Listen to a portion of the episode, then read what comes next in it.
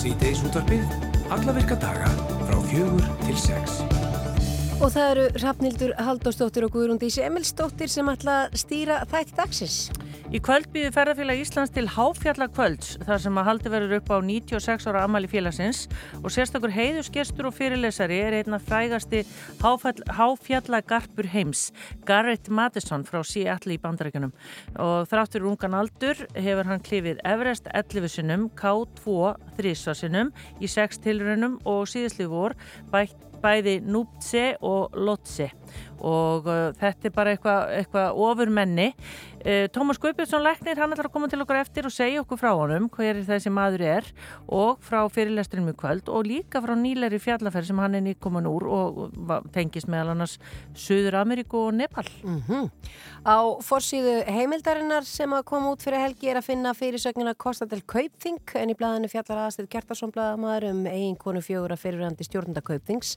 Sæki í fjársjóskistur á Jómfrú frú eigum til þess að fjárfesta í breskum hjúgrunaheimilum, íslenskum hótelum og luxusvilum á spáni.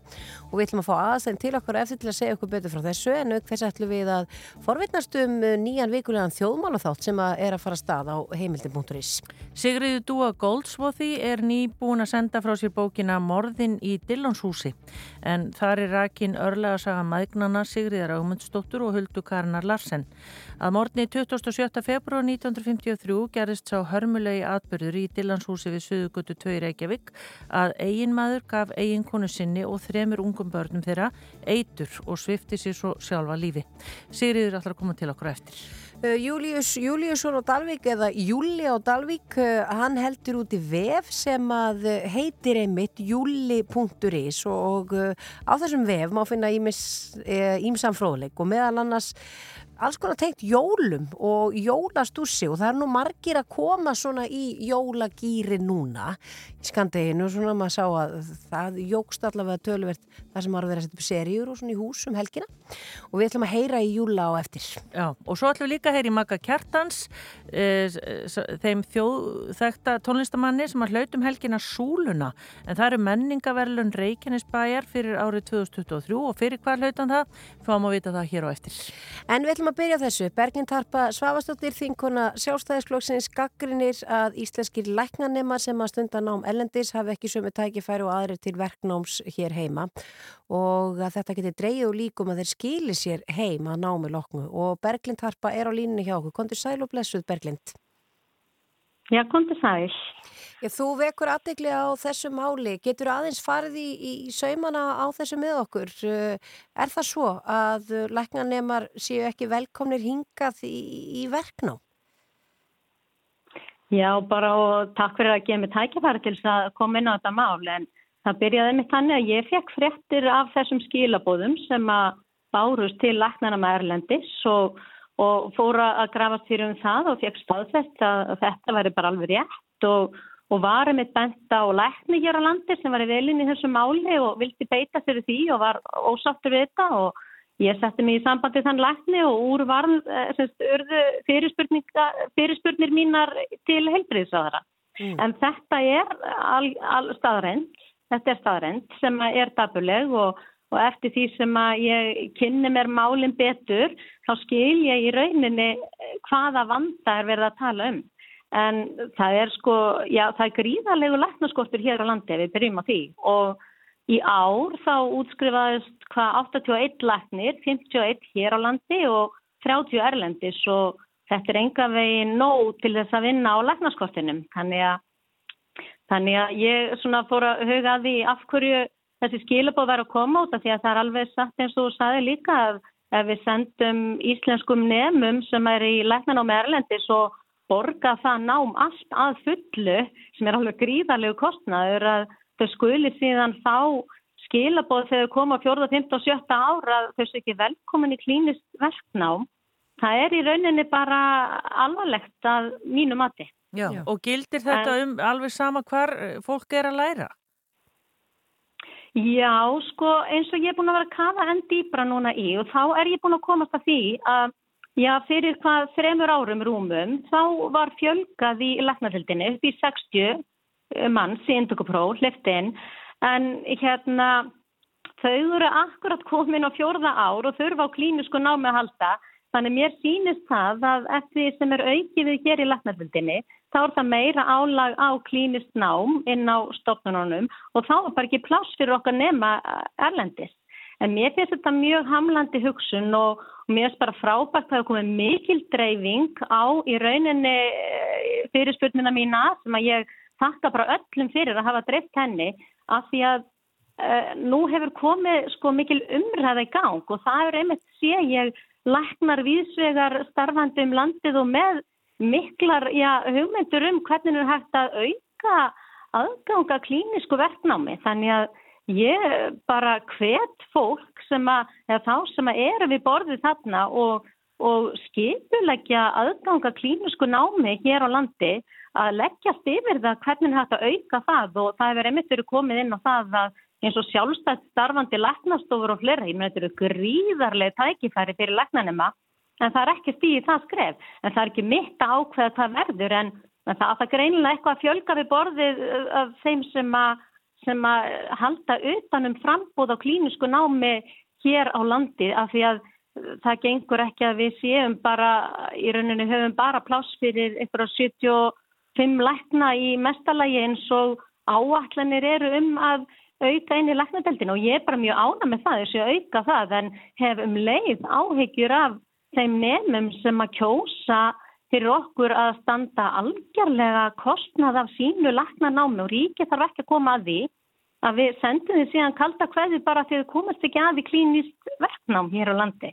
Já, en mætti ekki líka færa rauk fyrir því að ég tökku dæmi þessi 30 læknar sem voru að læra, eða nema sem voru að læra læknarsvæðina ellendis getur komið hinga heim jafnvel með nýja og, og, og öðruvísi þekkingu heldur en hinnir sem að læra þau hér heima? Jú, algjörlega og þeir sko alls ekki síðri. Þetta er bara, þetta er bara frábært nám erlendis, auðvitað er þetta ekki sömu kennararnir og svona. Og það sem ég finnst líka gríðanlegt að við erum svo mikilvægt að við erum svona í, að, að, þetta er alþjóðlegt samfélag við erum búin að fá, já, það er fullt af fólki hér á landi sem að tala ekki íslensku og, og einmitt fólk frá Slovakíu og þeim sæðum að þessi nemar, íslensku nemar okkar, þau þurfa í rauninni að læra tungumáli þannig að það er gríðarlega gott að fá það hinga til lands þannig þið geti verið í, í samskiptum við stóra hluta fólk sem er ekki með íslensku uh, hérna móðmáli þannig að og ekki bara það, heldur bara önnur uh, hérna reynsla í náminu og, og, og þetta er alveg mjög öflug sjúkrahúsa sem er að læra og, og við meigum bara ekki missa, missa þessa nema frá okkur. Út af því að þessi skilabás voru sendt út núna Ég meina þau verða til þess og þau fari klínistnám til annara landa og, og þá skapaðu bara tengingar og kom ekki hinga til lands og við höfum bara ekki efna á því að missa þau frá okkur. Nei, og talandum að hafa ekki efna á þá snýst þetta náttúrulega allt saman um peninga. Að það, ég meina, það vantar bara peninga til þess að bæði að geta tekið á móti fleiri nefnum í, í námið og eins að kannski fjölga plásonu hér í, í leknatildinni. Já, ég myndi nú telja ansi hagkvæmt að hérna læknarneimar stundu námsveit erlendis. Ríki kemur ekkert að því, ekkert að kostnæðinum. Samt eru þeir að neyta, þeim um klínist verknám hér á landi. Það er að eina sem ríki gerir er að leifa þeim á 4. 5. og 7. árið að taka, ég heldur örlítið, ég heldur þessu tvær vikur í senn í eitthvað tíma á þessum árum Þannig að þetta er ekkert gríðalegu kostnæður sem að ríki stendur undir þannig að það er bara gríðalega hafðkvæmni að íta þessum nefnum í nám erlendis. En hins vegar finnst mér alveg gríðarlegur kostnæður sem þessi læknandimar þurfa að standa undir og, og finnst bara sjálfsagt að verði einhverjir kvatar til að íta ungu fólki hér í dag til þess að velja það að fara erlendis standundir þessu kostnæði og að búa þar og menta sig og, og, og ríkið er ekki að taka þátt í því. Mm. Berglind Harpa, myndu halda áfram að beita þér í þessu máli? Já, algjörlega, algjörlega. Ég er nú heilbriðismentið í grunninn og, og brendir þessum málum sem á öðrum og, og það er bara mikilvægt að, að taka þessu máli og mitt hlutverk er bara í raun að koma svo framfari og íta við því fólki sem getur virkilega staðið upp og gert eitthvað í málunum til þess að laga í rauninni já, þessa stíplu með þetta klíniska verknam. Finna leiðir og þá verða allir ánaðir og við fáum fleiri lakna hinga til lands og búum síður við laknaskort hér á landi. Berglind Harpa, Sváfstóttir, þinkona sjálfstæðisflokksins, takk fyrir að vera á línni hjá okkur. Bara kæra þakkir fyrir mig.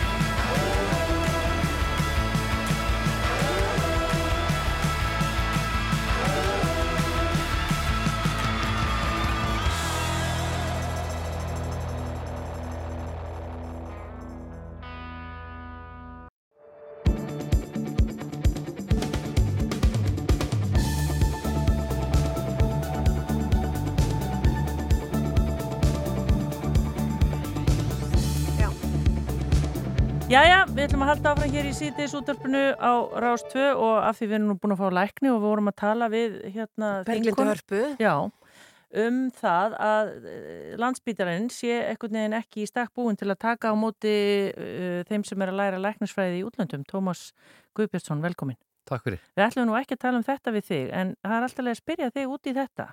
Já, ég tjá mig gætnaði um þetta því að ég lasi þetta nú bara fyrst í blöðunum og þetta komið svona uh, spánstöru sjónir og hérna ég held að þetta sé nú eitthvað sem við, það þarf að skoða betur upp á landsbytala þetta er svona verið mikið kapsmál hjá mér í mörg ár að taka mitt sérlega vel á móti þessum nefnum erlendis frá og við höfum alltaf reynd að gera allt til þess að koma þeim að. Þá ekki endilega á sama tíma á íslensku nefnunum svo þetta svona hérna það sé námstæki færi fyrir alla. En við höfum til dæmis þegar íslensku nefnunir er í prófum eða yfir sumari þá höfum við alveg sérlega hérna, gert út á það að, að fá þau heim vegna þess að okkur vantar hennar starfskrættin á Íslandi ja. það er alveg ljóst að við ættum erfitt með að, að reyka landsbytalan án þessara ungu lækna sem að menta sér ellendis það eru næstu því helmingur læknanema í dag sem að menta sér ellendis Já. og þetta gera þau fyrir eigin vélaraflið þau þurfa að taka lán og, og, og hérna þetta er yfirleitt duglegt fólk og, og svona sjálfbjörga og hérna þannig að þið veitir ef við hefðum ekki þess að nema þá þá myndi nú vera ansið hart á dalnum hjá okkur bara svona að reyka deildir og, og skurstofun og annað slíkt. Já, hún líka hafði orðað því náttúrulega að þau fara eins og þú segir og kosta allt sitt nám sjálf, koma mm. tilbaka eða vilja koma tilbaka en fá þessu höfnur og fara þá kannski setjast að annar staðar og kom ekki heim. Algjörlega og þetta var bara fyrir ekki mörgum ára síðan, þá var alveg komið tilmæli til okkar profesorna yfirleikna að taka vel á mótið þessum þetta var svo mikilvægt. Þannig að Ég þarf nú aðeins bara að fá að kanna þetta betur. Ég er svona ekki alveg búin að melda þessar upplýsingar og, maður spyrir sér hvort þetta sé einhvers konar miskilingur. En, en hérna, En það er að semst eins og þú upplifir það þá er það ekki þannig að sé eitthvað laust að taka mót einhverjum að þá gangi íslenski hérna læknani minn fyrir. Nei, sko, en það er auðvitað þannig að að Háskóli Íslands og landsbytali er í samstarfi um mentun lækna og það er, við hefum verið að fjölga þessum íslensku nefnum sem betur fer og hérna, og þannig að það, það eru ákveðna áskorunir í því vegna þess að suma deldir eru bara jafnstórar að voru þegar voru 30 nefnur ári en eru, við erum að taka móti kannski 60 og jafnvel plönum að taka móti ennþá fleirum.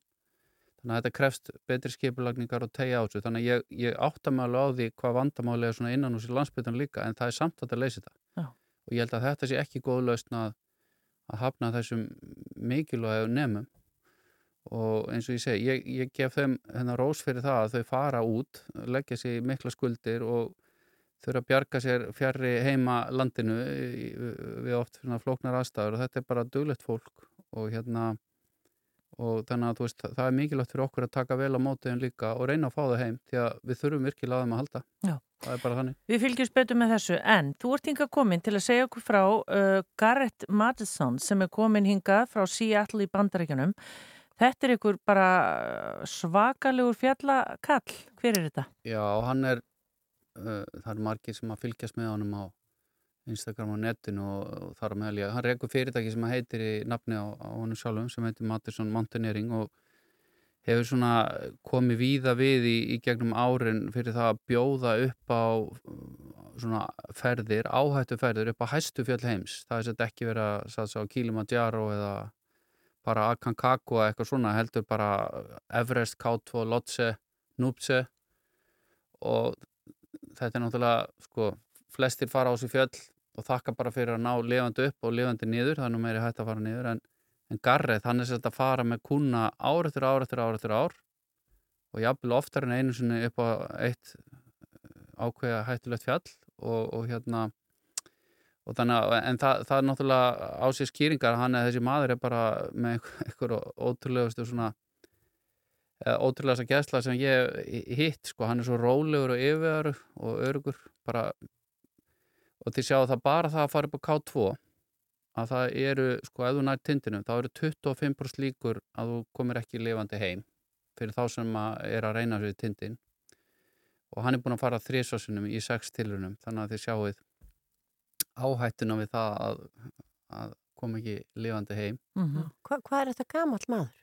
um, ég veit ekki nákvæmlega hvað hann er gammal hann er svona um færtut myndi ég halda Já, og búin að er- gera allt þetta. Já, hann byrjaði að vinna sem, sagt sem bara gæt hjá öðrum í, fyrir auðvitað Seattle, hann hefur farið yfir 200 ferðir á Mount Rainier sem að ég reyndar hefur gengið á líka sem er hátt fjall, það er rúmlega 4000 metra hátt og tæknilega er hann er búin að fara 200 ferðir þangað, þannig að hann byrjaði að setja alveg á gólfinu, hann hefur lært bókmyndafræði, þannig að hann er ætlaði sér annað í sínum karriér en þetta en, en svona bara fann að hann er óvinnu sterkur í hæð og hefur svona góð áhrif á fólk. Og svo hefur þetta svona fyrirtæki hjá honum vaksið og, og hann hefur orðið svona, hann er þykir svona kannski einn vanasti svona fjallagæti í heiminum. Mm. um, uh, og hann er með mjög öfluga sérpa sem að vinna með honum og heimamenn. Og þannig að og ég fekk að þetta kynna skarið persónulega um, að því að mér var búið að taka þátt í amerísku leiðangri á Aconcagua í janúar-februar tveikja vegna leiðangri og, og þar var Ed Vírstus heitir hann sem var fyrst í bandarækjumæður að ganga all hæstu fjöld heims án viðbótarsúrnis og við erum góði vinnur og hann var sett hérna að skýða með mér á hotströndum og svona. Þannig að hann segir, akkur kemur þú ekki með okkur? Og, og þá fekk ég og þetta var fær sem var skipilegt að Garrett og, og, og þá sá ég svona þetta var svona svolítið eins og fyrir fótboltamann frá Íslandi að vera búin á æfingu á Barcelona. Já, ummitt. Það er bara þannig og ég var bara fullur auðmygtar og Þetta var bara næsta deild. Eða Já, það næsta. en, bara, en líka bara læra þessum refum uh, og, og, og hérna og svo kom sér nú ágætlega að vera læknir líka það voru þannig þrý sem eru aldrei veikir hann í hópnum og það, það er ekki nema 30% sem ná toppi að Kankago og aðstöður hérna voru mjög erfiðar það voru tveir sem að létust þarna bara dagan og undan og nokkur til viðbóti sem slösust að það var svo mikið snjór í fjallinu og það var bara eins og eins og bananahýði þarna eftir hlutin og, og fólk var að renna þarna niður þannig að og, og okkar hópur sem lagði línur fyrir næstu hópa sem voru að koma eftir af því þetta eru svona miklu reynsluboltar af Everest og K2 og svona, þannig að já, þetta var Mm. og, og, síðan þá bara hefur við dreymt um það að, að fá Garrett hinga heim því að Ed víst þessu komið oftar en einu sinni og hérna Og hann er að fara að sína bara myndir og segja frá ferðum sínum eða hvað? Já, hann, hann er sko, það er svolítið sérstætt í honum að hann er ekki bara sína myndir að Everest eða K2 því að sko dasgrán í honum á ársbasis er þau viti það fara tveir mánuður á vorin í Everest það er svona 8-10 vikur með kunnum svo fer hann heim í nokkra daga til Seattle og þá fer hann til Pakistan á K2 sem er svona erfiðast erfiðustu dagar ásins og hættilegustu og svo kemur hann heim ein, einhverja tvær vikur og þá fer hann til Mexiko á, á hæstu gíga heims uh, Elgiga og svo tekur hann Amata Blan sem það kannski heyrtum sem mörgum þykir fallegasta fjall í heimi sem er í Nepal. Uh -huh. og það er hérna það er satt að líti út eins og móðir með hálsmenn en það er svona rosalega fallegt bratt fjall og þar fer hann hverju einasta ári fór núna með þrjáhópa upp og, og síðan núna er hann í smá bi- hann, hann fer heim yfir þengskifing mamma, mamma hefði spurt, er þetta fjölskylduböður? Já, ég, ég hérna, hef spurt hann hvort hann sé með líftryggingu hann er ekki svarað mér eða þá Nei, hann er ekki fjölskyldumæður. Ég held að það sé næstu útiloka eins, eins og hann er að kera þetta hart núna sko. En, en svo er hann að fara þú veist á Suðurskauðslandi núna bara eftir viku Mm. til þess að fara á hæsta fjall á Suðurskautinu og svo er hann líka með fólk sem er að fara á gunguskiðum á Norðurpólinn síðasta eh, hérna Mm. 10 kilometraðan þar. En hvað er það við þetta? Þú, þú, þú ert að lýsa þessu manni sem er að gera allt þetta og maður na, hefur heyrt af fleirum sem að bara lifa fyrir þetta. Nú ert þú búin að fara með svona hópi. Mm Hvað, verða menn bara háður þessu? Já, þetta er bara frábær spurning, veistu að ég vildi óska þess að ég gæti svarað þessu á einhvern skynsalagan hátt, en þetta er pínu svona fík. En það er bara líka skrítið, þú veist, að fara í svona hæð og leggja sér sjálfan í alltaf áhættu og, og oft kannski er það býða eftir því eins og að vera veik af hæðinni, skilur. Eins og Akankagua er bara 40% súrumnu sem við sjáum ál hér. Þannig að þetta er mikil áskorun, en þetta er svo mikið, þetta er svo krefjandi, þú veist, og líka þetta að læra líkamæn, lesa líkamæn, þú veist, er ég að þóla þetta vel eða er eitthvað að gerast sem er ekki gott og á ég þá snúa við og svona, þú veist maður, þetta er svona rosalegur ægi, gaggur sjálfum sér. En er eitthvað svona bara, er eitthvað endorfin kikk eða eitthvað sem hún færð út úr þessu, einhver, einhver velíðan sem gerir það að verkum og þú bara verður að fara á næsta tind og næsta tind. Já, en ég held samt að ef þú lendir í rakningum náttúrulega eða áhættu eða svona kemur eitthvað alveg upp á, þá held ég að, að maður núlstýrli staðins þar, en ég alveg klálega ef það gengur svona vel, mér til dæmis hefur gengið alveg ótrúlega vel núna á Akankagua og núna á Island Peak um daginn og þá einhvern veginn bara eiginlega get ég ekki beðið eftir að komast á næsta tind, sko. á og næsta það er einmitt máli kannski, Tómas, að það er einhvern veginn, það er aldrei eitthvað stopp, sko. Þú verður alltaf einhvern veginn að áskorunum að verða alltaf meira og meiri. Já, Er það ekki þannig? Jú, algjör, algjörlega. En ég held til dæmis eins og hans tilviki, ég get ekki tala fyrir hann, en þú veist, segjum að hann ákveða að stofna fjölskyldu eða eitthvað svona, þá náttúrulega breytist þetta allt. Og hérna, þannig að, þú veist, það er auðvitað, ég segi við alla að þetta sé hættulegast að starfi heimi sem hann sinni, að vera að fara, þú veist, ekki bara á Everest eitt vorið, heldur hann að taka næsta fjallir hliðina og núna um daginn tók hann líka Núpse, þessa þrenningu, ég held að hann sé bara eitt fyrst í heimi sem gerir, tekur alla þess að þrjá tinda í sömu adrinu Mm. og en, en þú veist, þannig að ég get ekki annað en ég veit þetta er ekki endilega skynselegt en þegar maður hittir svona mann þá verður maður einhvern veginn svona eins og sagt á vondum máli svona starströkk sko, en það er líka bara hann er svo yfirveður og svona góð manneskja það er kannski líka það sem skiptir máli þegar maður hittir svona menn og það er ekki tilviljun að að svona að þessi náungi að honum hefur gengið svona vel því að hann er náttúrulega skinsamur og, og hann hefur oft gert það sjálfur snúið leiðangurinn sinu við og til þess að koma lifandi niður. Já, og, og hérna en þetta var alveg ótrúlega gaman að fara hann á Akankagua að vera í svona amerískun leiðangri því að það voru náttúrulega flestir þar með eitthvað svona plön að fara upp á Everest eða þjálfa sig upp í næstu tinda. Mm og þannig að hann En var þegar þarna- fólk eins og þegar, þú, segir að það verið gott að þú hafa verið læknir og svona, hvað er það þá sem er að koma fyrir fólkið? Nei, það var allir með her- hérna, tjaldfélagi minn eh, sem mjög vanur og er að stefna Everest bara eftir tvö ár, hann fekk svona háfylla lungnabjú, mjög alvarlegan bara í tjaldinu síðustu nóttina í síðustu búðum í í 6 km hæð sem lýsir sér hvernig þá? Já, þá bara átt hann er upp með að anda og það svona safnaðist bjúur á lunguna svo ég náttúrulega er læknir og með mikinn áhuga á háfillaveiki þannig að ég greind hann bara á, á staðnum sko og, og hérna hann var náttúrulega þá alveg úr leik og menn eru búin að leggja mikla peninga og þjálfun í þetta hann var búin að undirbúa sig alveg heilt ár fyrir þessa ferð. Og þetta sagður mér eins og að væri ekkit endilega háði í, í hvað, hversu góðu formið þú er Algjörlega, það er alveg og hérna, eiginlega er það konur yfir 50 sem hafa bestu statistíkina á háum fjöllum, sko, það er kannski ekki endilega fjölmennustu hópurinn, en það verist vera margt svona í líkamæðira sem að hjálpar þeim. Það er alls ekki gott til dæmis að vera marathónhlaupari eða í svona sporti sem krefst svona mikið súrefnisflæðis ef við getum satt á svona einfaldara máli. En, en hérna, þannig að, þannig að þessir eins og til dæmis Garrett, hann er ágættur hlaupari, hann hefur hlaupið hálfmarathón og og hann er hjólatöluvert og svona en hann er alls engin afreiksmaður þar eins og margir myndi ætla að hann sé því að hann hleypur upp þessi fjöll skilur án þess að blásu nös mm. en hann er með eitthvað annað og líka með hans þólir hennar súrumskort betur og nýtir súrum miklu betur og svo er þetta rosalega mikið hausinn hann er bara með svona enna ótrúlega fókus og gefast ekki upp í vondu veri og allt þetta Já. þannig að hérna, þetta, er, þetta er það sem ég hef mestan áhuga á sem læknir, það er að reyna að finna út hverju það eru sem að klára sér vel í hæð og hverju ekki. Vegna þess að það getur nýst okkur líka inn á gjörgjastlu ég er ofta að vinna með sjúklinga með súrunskort og setja stundum í hart og lúnavel svona ekkmódælu og það er stundum þannig að ungur einstaklingur eftir bílsleis, hann er kannski að ströggla meira heldur en eitthvað sem er 57 ára og er komin inn eftir svipa þeir þurfa misjaflega mikið súrumni í velni og súrumni getur verið óaskilegt líka að maður gefur á mikið að því. Mm. Þannig að þessar rannsóknir á háfélaveiki þær geta stutt við það sem við erum að gera í vinnunni. Já, já. Og það er svona, til dæmis hendar þessi áhug minn á háfélaveiki, hann hendar mér ágætlega í mínu starfi að því ég er að vinna það mikið með súrumniskort og, og svona mikið veika sjúklinga.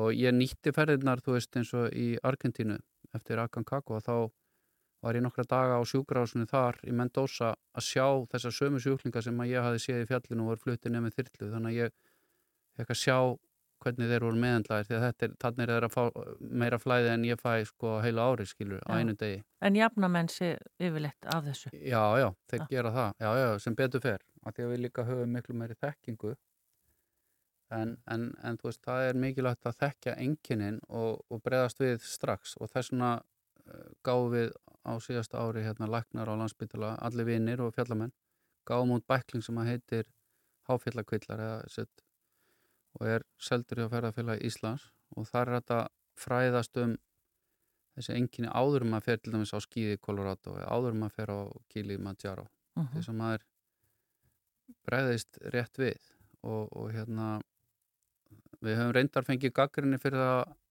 að vera að skrifa eitthvað svona einhverju sjúklingabókum það þegar þú ert að fara í frí og ert að fara að skemta þér þetta eiðilegi svolítið fyrir upplifinni ég er ekki alveg sammála því en hún er vissulega skrifuð svona frá sjónarhóttni læknist þannig að það er dæmis eigundur ferðarskristofa og svona hafa komið málið okkur sagt að við sjöum á neikvæðir já, já, já.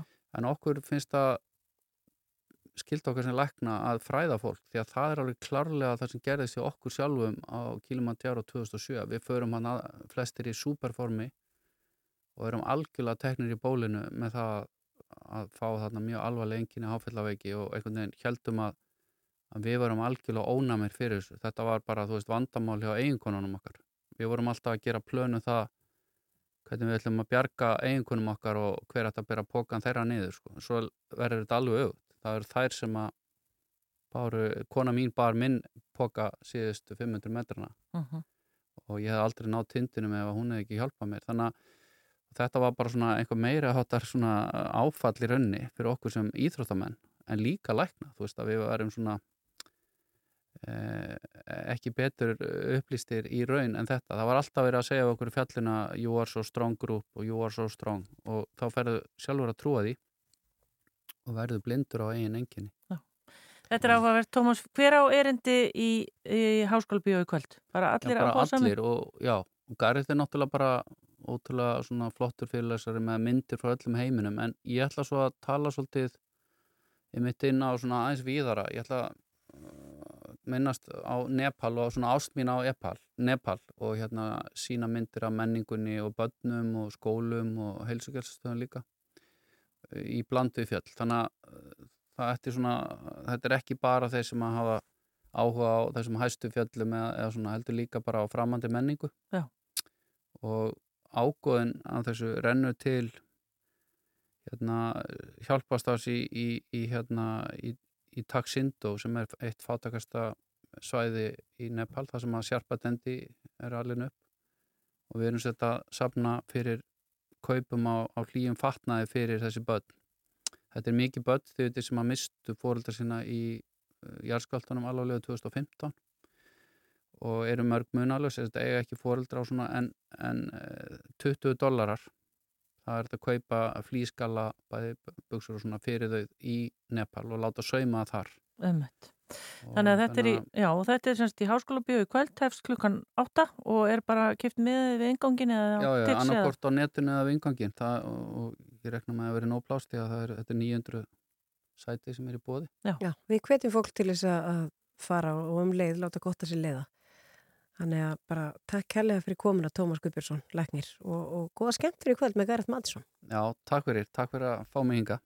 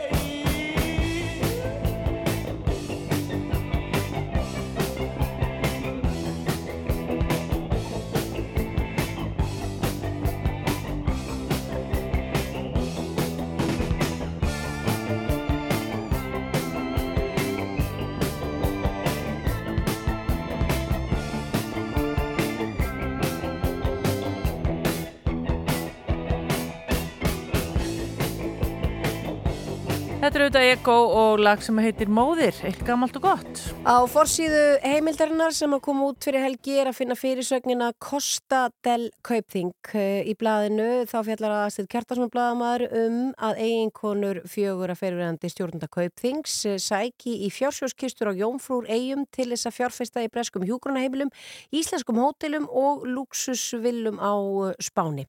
Og aðasteytnir hinga komin til þess að segja okkur örlítið meira frá þessu máli og svo ætlum við líka að ræða eins við hann um nýjan þjóðmálaþátt. Kondur sæl og bæsaður. Já, komið á blessi. Takk Já. Já, bara takk fyrir að koma. Þegar maður fer að að glugga í þessa grein sem að þú skrifar, Kostadel Kaupþing, uh, þá uh, kemur í ljós alls konar flétta. Getur þú aðeins bara sagt uh, hlustendum frá því sem þarna er í gangi? Já, þetta sem sagt uh, kemur þannig til að það er nýr leki til samtaka sem að hérna, eru kalluð ICIJ sem að hérna, tókum átti Panamaskjólunum á sínum tíma og hafa tekið við alls konar lekum frá svona aflandsþjónustu fyrirtækjum í, í, í gegnum árin og reyndar margt annað líka. Uh, og ég hef unni með þessum samtökum í mörgum þessum lekum og í þessum leka þá eh, eru upplýsingar frá fyrirtækjum á Kýpur sem að þjónusta sagt, eh, auðuga einstaklinga við að setja upp svona struktúra þar sem að peningar er að flæða fram og tilbaka og, og hérna og já, þetta er eiginlega hanna til þess að vera flókið þannig að það er ekki nema að vona að hérna, það sé kannski alltaf erfitt að ná utanum það sem ég er að fjalla með greinni eh, en það sem að þessi gögn sína okkur núna hér og ráhört fyrir Íslendinga er að þetta fyllir upp í mynd sem að byrja að tegnast upp emitt í Panamaskjölunum þá eru upplýsingar um, um félag á, á Tortóla eigu, bresku jónfrúðar eigunum e, sem að Hreiðar Már Sigursson, fyrirhandi fórstjóri Kaupþings, sem sagt lætur stofna fyrir sig og færi síðan yfir á nafn eiginkonu sinnar og, og hérna eiginkonu Sigurðar Einarssonar sem var samstagsmaður hans í bankanum eftir að, að þeir,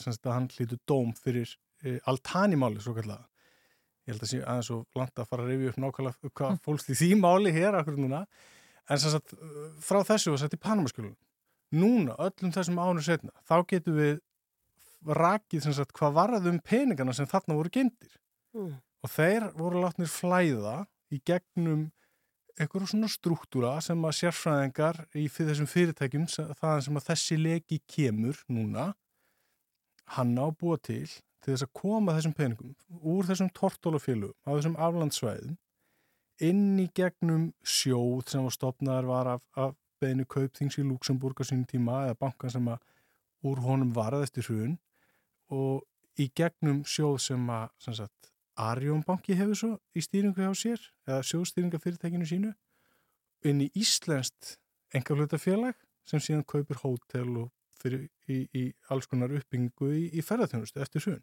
Þannig að það er búið að koma að þessu búin í að vinnu hér. Já, þannig eru peningar sem að fóru til Money Heaven eins og það hefur verið kallað Tortóla. á Tortóla og eru síðan komnir í gegnum svona langa fléttu inn í íslenskt efnaðaskerfi aftur og farin að taka þátt í, í því sem er svona nýja atriðið á Íslandi í dag. Það var bankaþjónusta fyrir hrun, ferðarþjónusta eftir hrun. Mm. Og þarna erum við loksins að geta teiknað upp bara nákvæmlega hvernig þessi mynd er. Við höfum verið með vísbendingar í öðrum lekum og öðrum bara fréttum stundin til dæmis aðeins frá því 2019 að eitt af þessum tortólafélögum hefði saminast Luxemburgísku félagi, nú er fallbeðingin mín ekki Mhm. alveg upp á tíu þannig að við höfum svona vísbendingar um að þessi peningar sem að endur á tortóla einhvern veginn hafi verið svona að leka inn til Íslands svo að, að þetta fólk geti fjárfest og komið peningunum sínum í vinnu en núna erum við loksins að geta loka hringnum og að geta sagt nákvæmlega hvernig þetta hefur fungerað hjá þessum litla hóp fólk sem að tengdist líkistjórnundum Kaupþingbanka. Þannig, og hvaða leki var þetta? Er þetta bara eh, svipaðu leki og var í Panamaskjölum með það? Já, uh, Íslendingar eru náttúrulega bara, hvað maður að segja, vanir því að það séu bara þýlugu bombunar í svona lekum en, en það er e, náttúrulega ekki jafn mikið þegar þessi, þessi lekar koma eins og við upplifum í Panamaskjölum þegar við vorum með þessa ráþera og kjörnu fulltrúa og lífyrísjóðstjóra og eitthvað svona með aflandsfélög.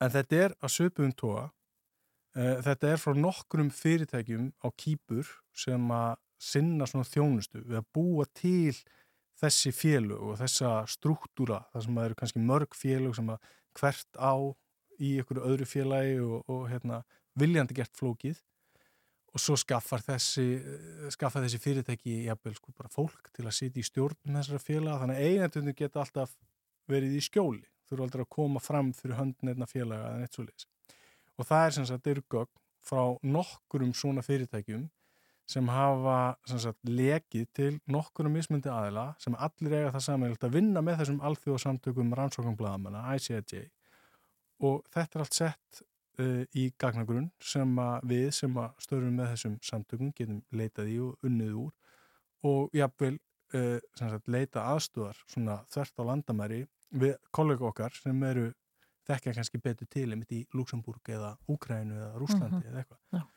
En núna, núna eru sko kannski einhverjir sem eru að hugsa þannig að hvaðan þessi peningar sem að eru á tortóla þarna í upphafi, Mm hvaðan koma þeir? Það er mjög góð spurning og við erum ekki með uh, þann hluta af púsluspilinu. Við, það, það sést ekki hvaðan peningarnir koma, það sést bara hér eru peningar. Og við í rauninni vitum ekki hversu mikið af peningum er í þessum félug og þessi félug skipta um nöfn. Og það er ekkert sérstaklega gert grein fyrir því í fyrirtækjaskráni á Bresku Jónfrúðaregjum og þannig að við erum í þeirri stöðu að, að þurfa að reyða okkur á svona leka. Og það er ekki bara við blaðamenn og almenningur heldur í mörgum tilvíkum bara yfirvöld líka eins og við sáum að gerist eftir Panamaskjölinu þegar skattaransóknarstjóri þurfti bara aukið fjett til að geta farið yfir allar upplýsingar sem þannig byrtast en ástæðan fyrir því að þessi aflandssvæði eru notuð eins og Tortóla sem er þekta aflandssvæði í Íslandi er einmitt þessi sko treyð sem að þessi fyrirtæki eh, hafa við lind, já það var kannski ekki vel orðað um þau lofa lind Já. og standa við það.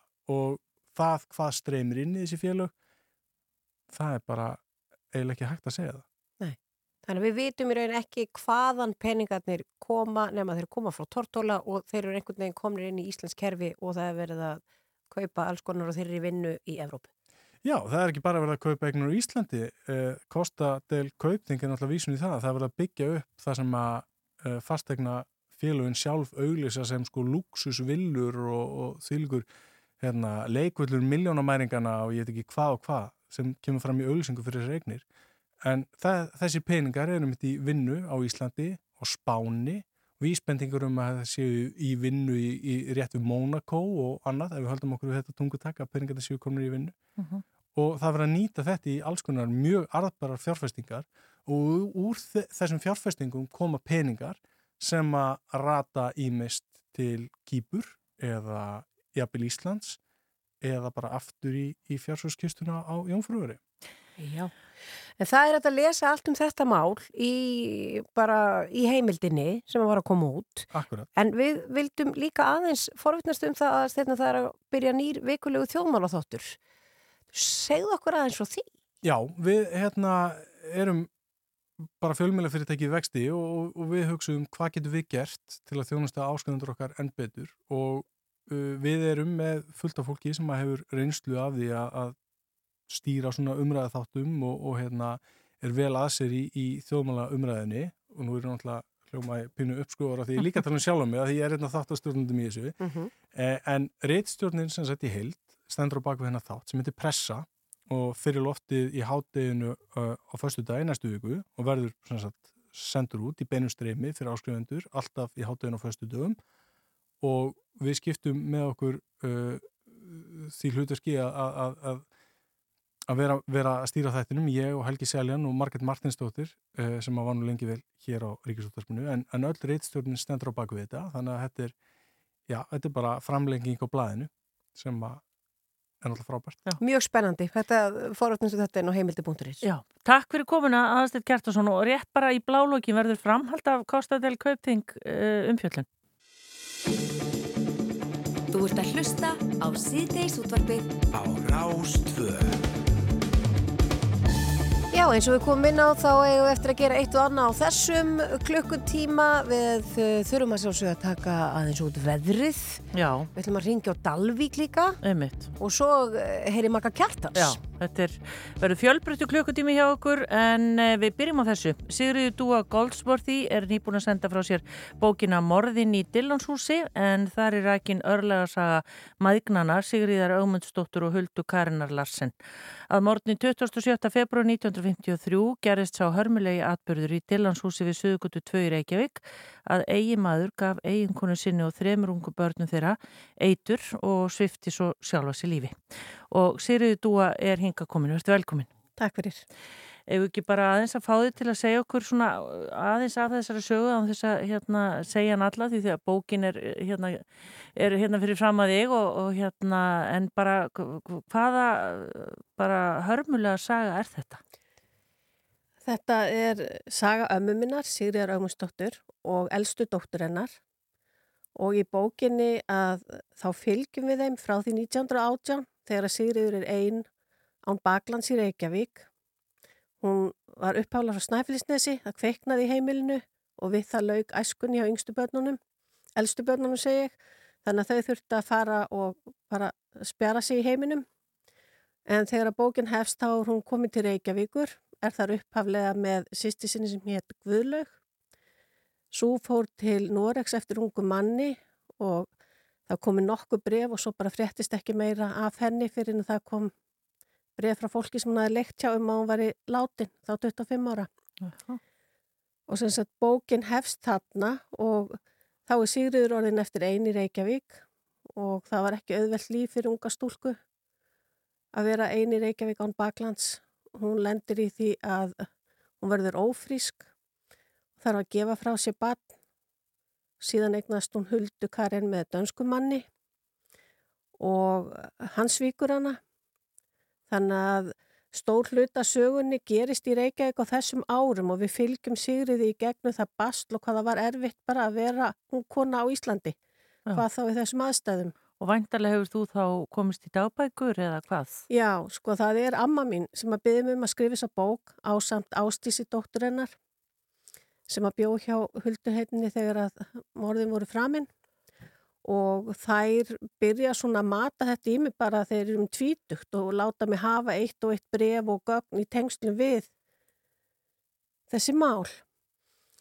Og svo er ég náttúrulega komin alltaf með meir og meiri upplýsingar og þær segja mér að það er eiginlega ætlist bara til þess að ég segi þessa sögu.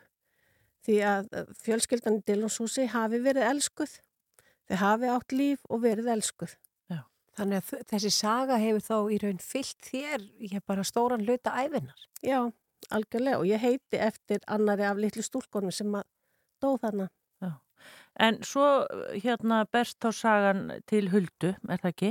Jú, það gerist nú ímislegt í millitíðni, Já. þetta er raunverulega, þetta er raunverulega fjölskyldu saga. Já.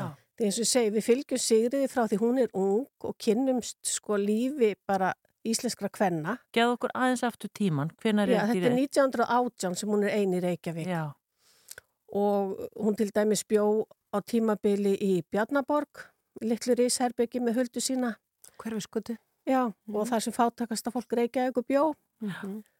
og það er alveg rosalega merkilegur sá tími ef maður fyrir að horfa á það tímabil sko það byggu 200 manns í húsinu þegar mest var þannig að þetta er raunverulega eins og þorp bara inn í Reykjavík. Og það var alveg svakalega mikil samheldni milli kvennana þarna. Náttúrulega allar öruglega búinir að eiga mjög erfitt og kynst ímsu og það er svo áhugavert að fylgjast með, sko, þetta er raunverulega bara eins og stór fjölskylda. Það er verða svo góðar og mikill stuðningu fyrir hver aðra að þetta er mjög, mjög svona aðteglisverður tími í íslensku sögunni. Þetta þegar að Bjarnaborg var. Já. Já. og Bjarnaborg var einmitt fyrir fólk sem að svona átti minna á milli handana eða hafði Já, það? þetta var sko þekkt sem húsi sem fátakasta fólk reykjaði ykkur bjói. Nei, já, einmitt. En það var kannski fjáraslega eða fátakt að veraldlegum gæðum en það var ekki fátakt að kærleik. Það er alveg, Já, einmitt. Alveg örug. Þannig að Hulda Karen, Klárt. eh, ég meina hvernig, Já, hvernig uppeldi er þarna? Veist, já, hún sem sagt elst upp þarna, þar Já. sem að konurnar hjálpa stað og hugsa um börnin hver fyrir aðra og síðan er það 1925 sem að Sigriður kynnist Karli Dúasinni, manni frá fljótum í Skagafyrði og þau verða ástfangin og hún og Hulda flytja með honum norður. Hann lofar að byggja fallegt hús hátt upp í fjallinu handa Sigriði, stórum gardi sem hann gerði. Og hvar fyrir norðan? Þetta var á Siglufyrði og húsi hétt Kvannirallíð. Það var við hliðina á Fossinum eða það komið til Siglufjörða já. og það fór reyndar í snjóflóði 1963 en vildi svo giftulega til að það var engin í húsinu. Síldaleitin hafði keift húsi þá af fjölskyldunum minni. Þannig að það stóð tómt þegar snjóflóði tók það jóladag 1963. Þau sem sagt flytja til Siglufjörðar og þá fyrir lífið að snúast um síldina og það voru góði tímar og slæmi tímar allt eftir því hvernig síldin hagaði sér. Mm. Fjölskyldan stækkaði, þau eignast fimm börn saman, Karl og Sigriður og eiga mjög góð ár á Siglufjörði. Þeim, þeim leið mjög vel að búa á Siglufjörði. Mm. Og er þá Hulda uh, náttúrulega langa elst þarna af sískinahópnum? Já, hún er sko fætt 1920 og fyrsta barni Karls og Sigriðar er fætt 1927. Já. En í millitíðinu hafði amma reyndur áður og kynntist Karli eignast annað að tvö önnur börn og saga þeirra er líka sögð í bókin og hvernig það allt atvikaðist. Þannig að þetta er mjög mikil saga. Og fá þá lesendur líka smjörþefin af bara síldaræfintýrinu og öllu því. Já, og, og svona lífin á Siglufyrði, til dæmis e, e, hérna, eitt skipti þá kom svo svakalegt óveður að, að það brotnuð alla bryggjurnar og þá var Karl sóttur um miðja nótt því að allir bara sem vettlingi gáttu valdiður að koma út og ná brakin á þannig að skemmti restina já. Þannig að þetta er, það er svona eins og segja, mikið sem gengur á í bókinni. Aha. Og síðan er Hulda þarna ungstúlka og er að vinna í vefnaðvöru deild kaufélagsins og það kemur ungur maður til Siglufjörðar í sumarvinnu og það er Sigurður Magnússon sem hún síðan giftist Sumarvinnu í hverju þá? hann var það sem kallaðist hlaupadrengur á plani og í uppskipun Já, já. og svo fyrir hann í nám í Livjafræði hann var mjög stórættaði fólki og hún gifti Sigurði og býr í Reykjavík með honum Í þessu húsi? Já, Eða fyrst á Tjarnagutti 37 þar sem fadir hans Magnús Sigursson landsbankastjóri bjó en hann er endar dáin þegar þessi hræðilegi atbyrðu gerist en sem sagt þannig að þau stopna sitt heimili og eignast þrjú börn saman Magnús Sigriði Dúu og Ingibjörgu Stefáníu og mann svona það leit náttúrulega allt út eins og lífið blasti við þeim Þannig að þú ert skýrð í höfuð þá? Já, ég skýrði höfuð á eldri stúlkunni. En hlutinni fara nú ekki alltaf eins og ætlasti til og Sigurður fyrir að veikjast og það er svona svo saga þó að bókin heitir eftir þessum atbyrði. Þá er sá hluti bara aftast í bókinni. Af því að sko hann náttúrulega, bókin heitir eftir hann af því hann litaði allt í framtíðinni en eins og ég segi það er bara hluti af bókinni sem fjallar um þann atbyrð. Já. Já. Og hann sess að veikist og fær bara ekki rétta meðhandlun af ýmsum ástæðum. Eru þá sagt andli veikindi? Já. Já. Og, og þetta endar svo á þennan hræðilega sorglega hátt að hann drepur huldu, börnin þeirra þrjú og síðan sjálf hann sig. Já.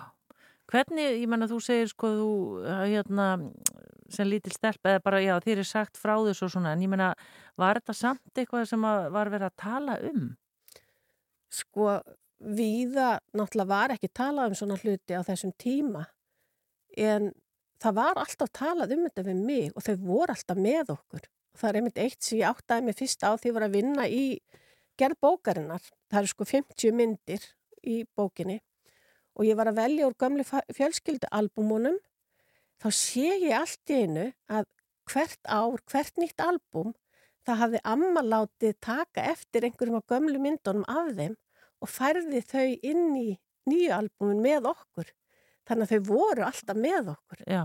Þetta er svona, þetta er bæði náttúrulega sorglegt en líka þetta er svo fallegt einhvað. Já. Já, því að eins og þú segir, á þessum tíma var auðvitað ekki alltaf verið að tala um svona hluti. Nei, akkurat. En þau eru partur af fjölskyldunni. Algjörlega voru það alla tíð sko Já. og eins og ég segi, ég áttaði mig ekki eins og á þessu fyrir ég fór að velja út myndirna þá bara, byrju þetta albúm er ekki frá þessum árum, það eru myndir af þeim hér og þá fór ég að sjá Já. þetta minnstur mann uh, sér svo margt sko meira, það er eins og með afa minn Karl Dúason hans fjölskylda hefur verið alveg svakalega hvað sem mann langt á undan sinni framtíð, nei samtíð. Því að ekki bara áttu drengirnir að fara í nám, heldur sýsti þeirra líka. Já. Þoreldrarnir lögðu mjög mikið upp úr því og á þessum tími það er alveg sérstakt. Sko hún átti að fá að fara til kaupmannahafnar eins og strákarnir að læra. Já, einmitt. Ég var einmitt að horfa í gera og sögu þjóðar í þetta á, ríkisjónarpunni, það var einmitt að þetta með kostningaréttin og allt hjá konunum sko, þannig að þetta hefur verið já, algjör framsýnið þannig. Algjör og, og afi var mjög þannig því að Huldu gekk mjög illa eiga fyrsta barni sitt og hann skrifar henni bref sem að er, það eru svo líka bref bara beint frá þeim í bókinni öllum sko Já, og hann skrifar henni bref og það er svo fallegt brefið og hann er að stappi hann að stálinu sko að því að hann hafi farið úr axlalið litli drengurinn og hún hafi svo miklu áhyggjur að þessu. Og svo kemur hann fyrirgefði að ég sé um tala um þessa hluti.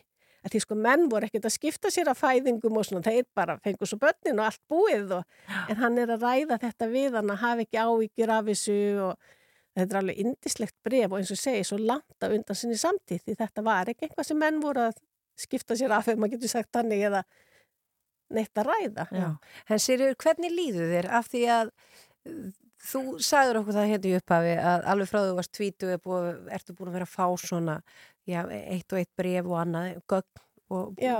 búið að beða þig að skrifa þessa bók. Nú ertu búin að skrifa fjölskyldu söguna þína. Mhm. Er það ekki góð tilfinning þrátt fyrir að efnið ég hafi uh, tekið á eflust að mörguleiti? Jú, það er alveg svakalega góð tilfinning og það sem gleður mig svo mikið líka er að sko ég er að fá skilabóð frá fólki alveg ótengt mér, ekki bara tengt mér fjölskylduböndum sem hefur lesið bókina og er að þakka mér fyrir hvað hún sé falleg og snertiða djúft og, þeim finnist bara eins og þau hafi þekkt fjölskylduna og, og líka þetta náttúrulega að tala um svona sorgaratbur, það þarf stundum bara að opna þetta til að fólki líði betur þó þetta séu erfiðir atbyrðir. já. Og þetta er ekkit, eins og manni finnst þetta ekkit neitt rosalega langt síðan, 1953. Mér finnst það náttúrulega ekki því ég er búin að lifa með þeim að læfi. Þannig, Og ertu hérna og er mikið að gera hjá þér að koma fram að lesa úr bókinni eða? já, það hefur verið svolítið um það Já, og hérna, eins og segi, en mesta gleðin er eiginlega líka að finna að aðrir sem að opna bókina segja bara, ég gæti ekki lagt hana frá mér, ég lasi gegnum hana. Já. Hló og grét. Þá finnum maður, ok, það er væri sáttar. Já, en þetta er líka þykk og mikil bók, þetta er alveg bara svona gyrnilegt í, í hérna kósi myrkrinu að lesa. Algjörlega. Já, bara til hamingi með þetta, fyrir. Dúa og bara hérna, þessi bók heitir sem sagt eh, Morðin í Dillons húsi og eins og þú segir, hún heitir þessum kannski erfiða titli, þá hún Já, fjalli eh, miklu leiti um þessa stóru og merkilegu fjölskyldu. einmitt, hún gerir það nefnilega. Takk fyrir komuna í síðan Takk. This is the beginning. This is not the end. I wanna see it all. See it all. Thank you for allowing me to see you.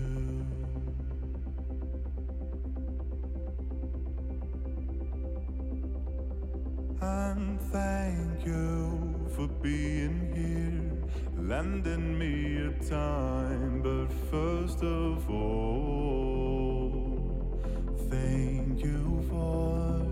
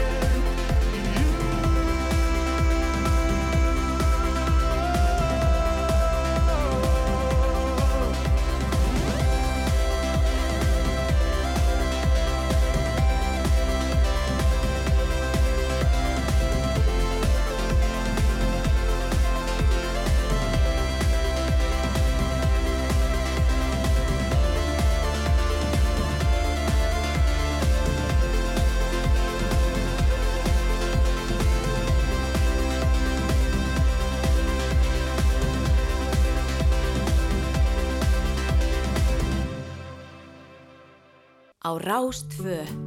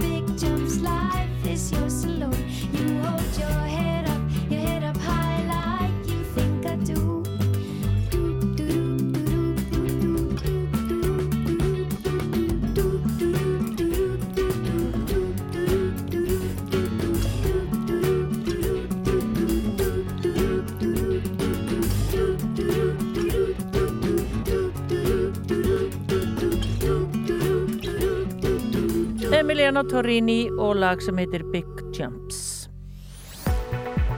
Veðurhorfur næsta sólaringin.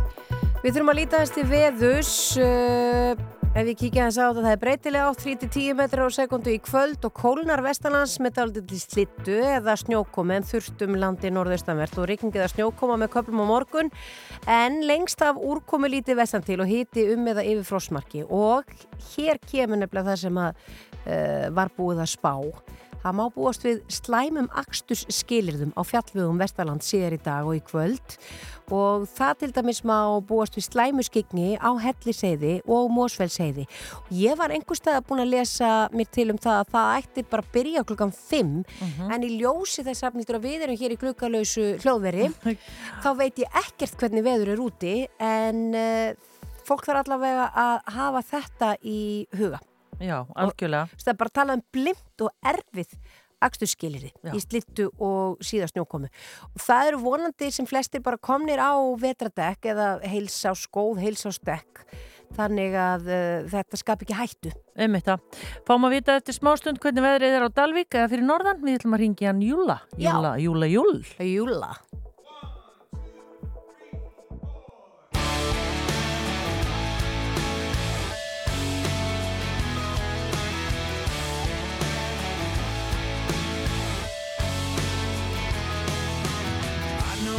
You're thinking. We were going down. I could feel her sinking. Then I came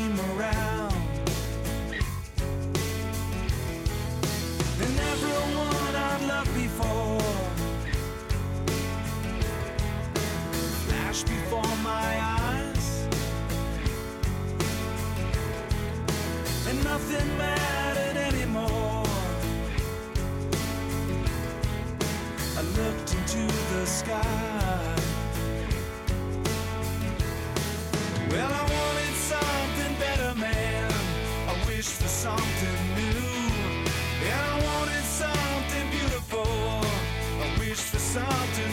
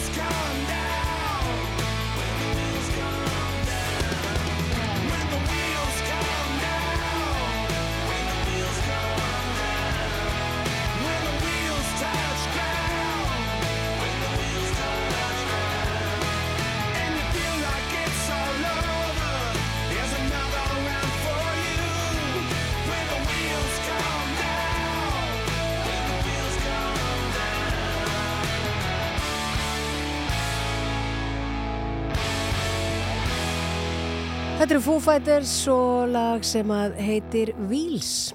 Það, við höfum nú einhvern tíma hér í þessum þætti fjallað um vef sem heitir júli.is, heppinan Júli á Dalvik, Július Júliusson, að heita Júli, Július og vera með þetta alltaf kallaði Júli og svo getur hann bara að opna vef sem heitir júli.is en það er sem sagt, hann er búin að hérna Uh, hvað ég var að segja svona hleypa uh, lífi í vefin á ný ég veit ekki, Júli, er það vegna þess að það var ákveð að fiskidagurinn er ekki haldin aftur, þá hafður tíma í júla.is, sælablessaður Já, hæ, já, svona bæði og, þetta er svo sem, ég, ég sem byrjaði með þennan VF 1999 og svo svona, hérna, vatt þetta upp á sig og, var, var, og, og er eitt stærsti jólavefur sem er, er til hér, held ég, og, og ég gatt síðan var þetta í það gömlu kerfi, ég held að það verið 2013 eða 2014 sem ég gatt síðast uppfært vegna þess að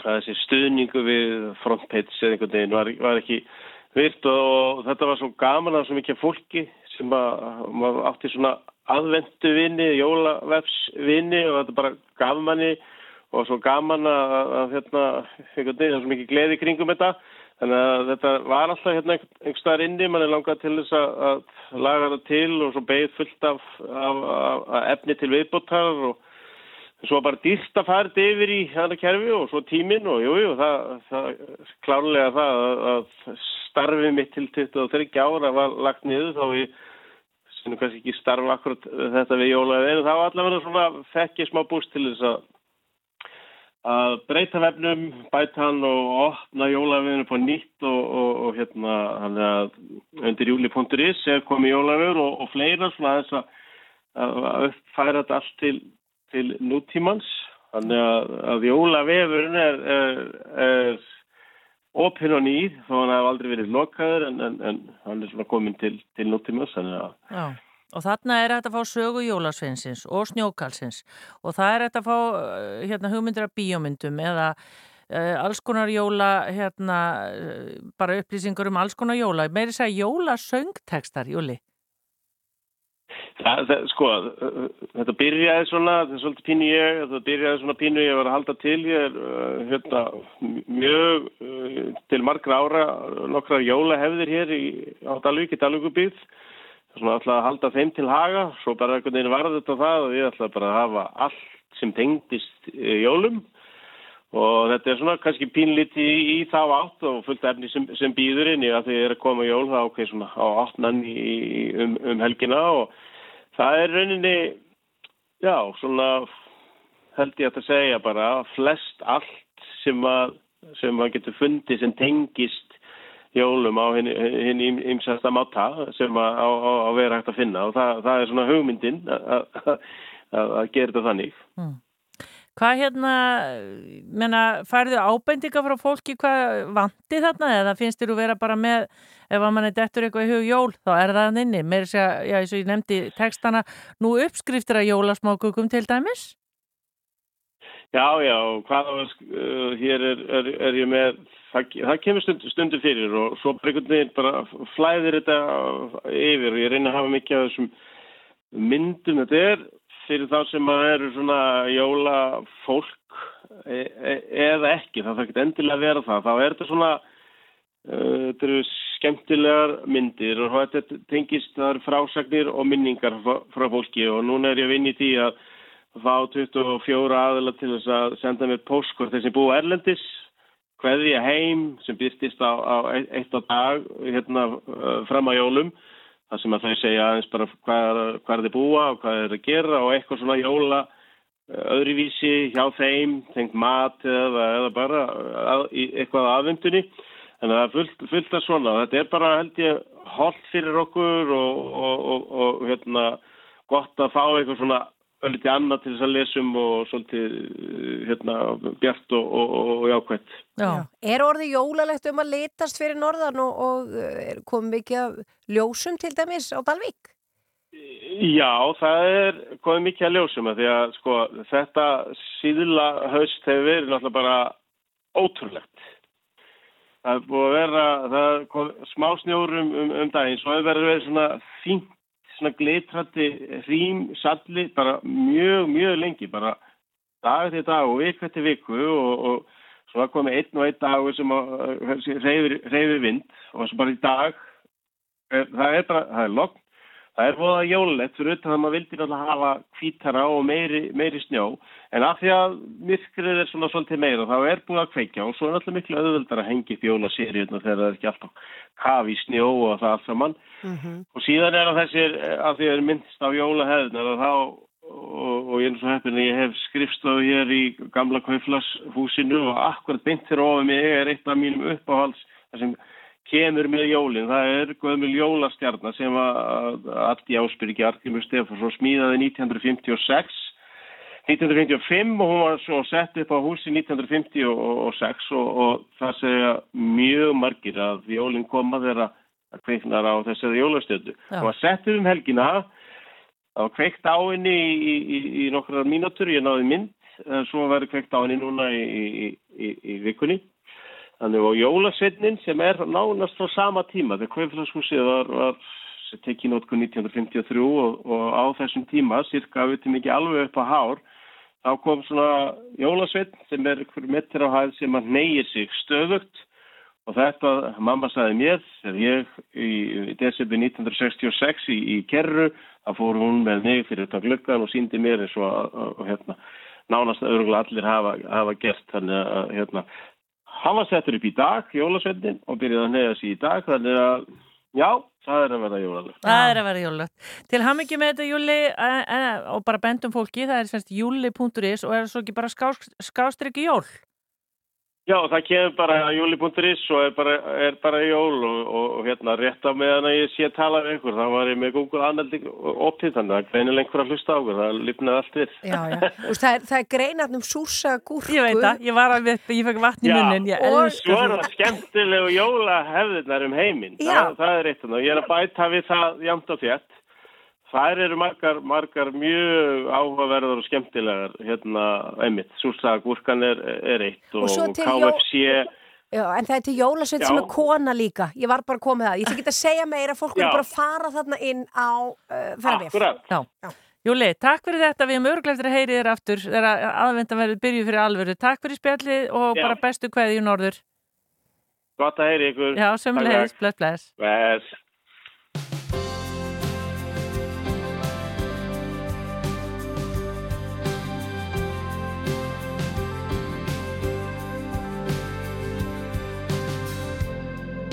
Side with a difference, making it something it's not. Resting your thought on the coffee, it's not a creature in the sky.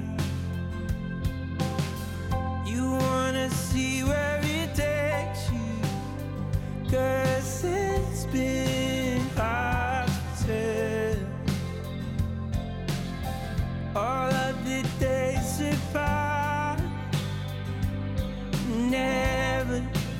like it starts. When the sun goes down You got all the pictures show. What you make And the stars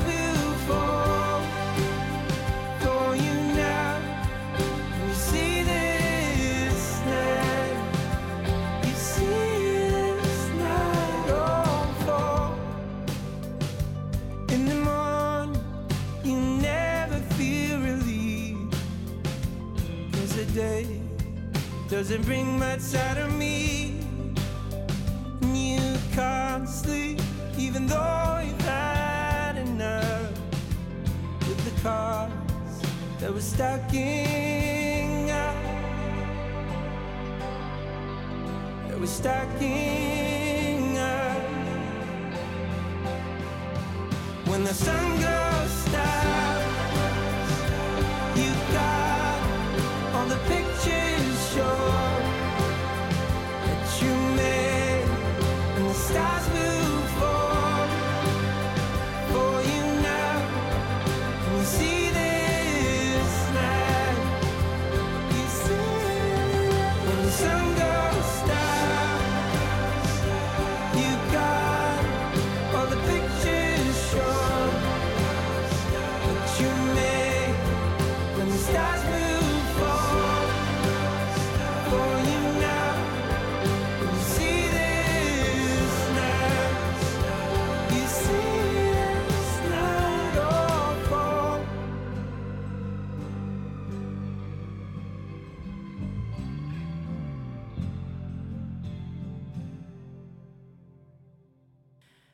við rákum augun í það að uh, hinn kunni og þe- þekkti tónlistamæður Magnús Jón Kjartansson eða Maggi Kjartans, hann hlaut um helgina menningarverlun Reykjanesbæjar sem að heita Súlan Já. og uh, þetta er sérst fyrir árið 2023 og við þurfum náttúrulega ekki að kynna Magga Kjartans uh, það vita náttúrulega allir það veit ekki bara nánast allir hver hann er Að sjálfsögðu. Já, en hann er á línni, hvað þú sætla að blessa og til hamingi með þetta Já, takk fyrir og bara svona rétt að bæta við. Það er alveg rosalega mikið fólki sem hefur ekki hugmynd um hver ég er og það er svo gott. Já, einmitt. En fyrir utan það sko að hérna bróðinni bæjarstjórið þarna, varst ekki að fá þetta fyrir hérna velunin störf í dagur tónlist og tónlistarlífi í, í, í Reykjanesbæ? Já, þeir eru með sína nefnd sem er menningamála nefnd og, og uh, hún tók þessa ákvörðu. Ég er nú söðunisja maður og, og er vaksið úr grassi í Reykjanesbæ og, og fekk mína tónlistamentum þar og, og spilaði mikið þar og þaðan. Já, Já. einmitt. En hvað hérna, núna til dæmis bara ertu á leiðinni, þú ert að fara hérna á kóraðingu, þú stjórnar flugfröðkórnum, ertu ekki ennþá í því? Jú, jú, jú, jú, og söngkóp söður í Reykjanesbæ líka. Já. Þegar þangaði kvöld, um kvöldmataleitið og það, uh, þannig held ég nú svona tengslum mínum við, við uh, æsku slóðunar. Mm. Við verum aðeins að tala um flugfræðikórin. Er þetta öflugu kór? Öflugur míning, uh, öflugur, hvað, hvað, hvað merkingu myndur þú leggja öflugur? Heyrist, kór sem heyrist hátt í eða kór, kór sem að uh, syngur oft uh, ofinberlega eða Já, segð þú eða okkur. hvað? Þetta, já, þetta eru náttúrulega mjög öflugir einstaklingar sem að koma hérna saman, sem að vinna mjög uh, einkennilega vinnu, hafa einkennilega, einkennilegt starf og, uh, og uh, kemur saman og æfir og uh, þrátt fyrir það að þetta er eini flugfreyju kór eða flugliða kór í heiminn. Já. Í alvöru? Já, það er ekki hægt að gera þetta nema í þessu litla þorpi Reykjavík Já. sem að er fyrir söma er svo stór.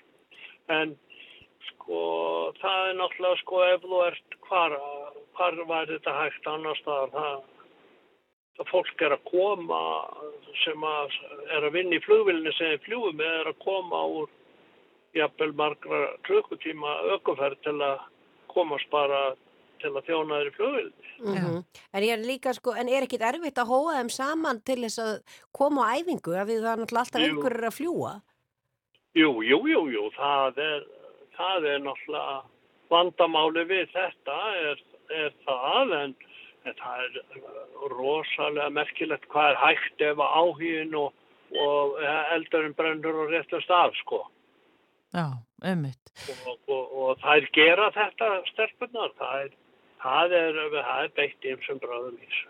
Já, eru það að undirbúa einhverja sérstakka jólatónleika eða hvað? Já, við ætlum að hafa jólatónleika í næstu viku í laugunaskirkju og uh, þar verðum við með undir leikara og, og, og, og allt saman og það er voða gaman Já, og hlakka voða mikið til. gaman að því. En hinn hópurinn sem þú ert að stjórna í Reykjanesbæ, hvaða hópur er það? Það er, viltu að ég telja upp? Ekki einstaklingana, en hvaða hópur er þetta? Alltaf stutt í gríni hjá já. Þetta er uh, bara það sem er kallast sönghópur Suðunesja. Við vildum ekki kalla okkur kór að því að við erum svona svolítið í poppinu líka og, og, og förum svona við að völl. Þannig að við kallum þetta sönghóp.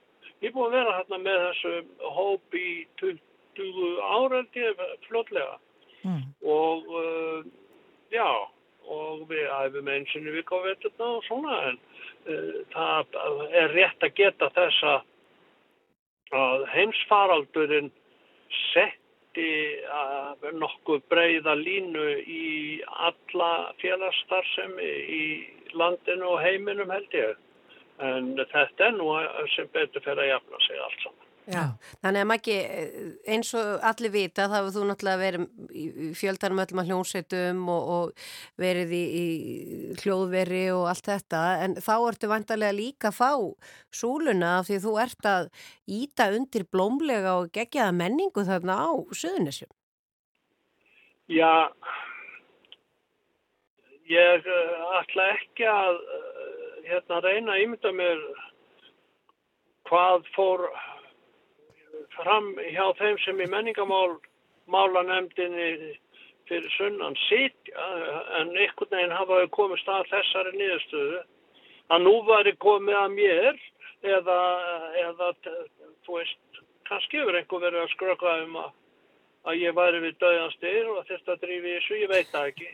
Nei, en, en, en Maggi, þú ert sko af því þú búsettu fyrir austan, þú býrð hérna, eh, þú, þú lands, út landsbyðar hérna dúti er ekki, þú býrð ykkur þar, er þetta ekki við Selfoss eitthvað? Hvar er þetta? Jú, en þetta, er- ég bý, það skulum kalla þetta útkverfi. já, Þetta er eiginlega, í, þetta er eiginlega útkverfi frá sjálfu sér sko. Og uh, þetta er í Grímsnesi, í grafni, Grímsnes og Grafningsrepp heitir þetta til þess að ég tali skýft.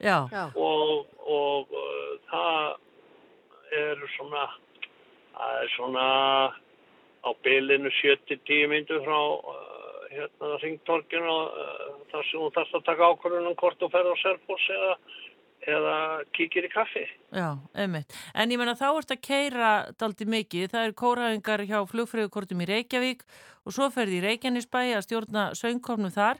Hvað gerur í bílnum ef við erum ekki að trubla þig á rástöð og ringið í bílinn? Hvað, notar þú tíman að hlustar á tónlist eða ert að tala í síman eða hvað gerir vennilega? Ég keiri sko Já. og, og reyni að einbeita mér að því og það er eins og menn vita getur verið hérna, ansi snúi stundum og uh, sérstaklega þegar það er allra veðra von en ég hef verið rosalega heppin. Ég var, þurfti einu sinni að fara á hótel og ég var í fjóra mínútur inn á herbygginu. Þegar ég var búin að kveikja sjóarpinu þá var fyrsta sem að byrtist mér var það að það var búið að opna hellisegðina. Þannig ég fekk að enda greitt sem betur fer. Já. En sko, jú, jú, það er, það er náttúrulega fyrst og fremst og svo eru náttúrulega þessar útastöðar og, og, og, og framhalsögur og lagsnes að lesa og, og uh, svo hlusta ég svona og hitt og þetta sem að mér finnst spennandi. Já, nóg að gera. Nóg að gera. Við ætlum ekki trubla Já, þig lengur, bara gangið vel með þetta allt saman. Segðu okkur einu sinni enn hvernig tónleikarnir eru hjá flugfröðukortnum í næstu viku. Já, já, ég ætlaði nefnilega að gáða því hérna í dagbókinu minni svo ég fari ekki með neitt fleipur. Já, Já, og það er, uh, sko, það er 7. desember. 7. desember, það er í næstu viku. 7. desember maður klukkan 8 í Laugarneskirkju. Frábært. Þetta er alveg dásanlegt, það er allir velkomnir. Já. Já, já. Magnús Kjartansson, uh, menningar verðluna hafi Reykjanesbæjar fyrir árið 2023. Til hamingi með þetta enn og aftur og gangið vel með þetta allt saman og öll þín verkefni. Já, takk fyrir og, og, og hérna ég byrð bara að helsa. Takk fyrir, bless, bless. Bless. Bless, bless.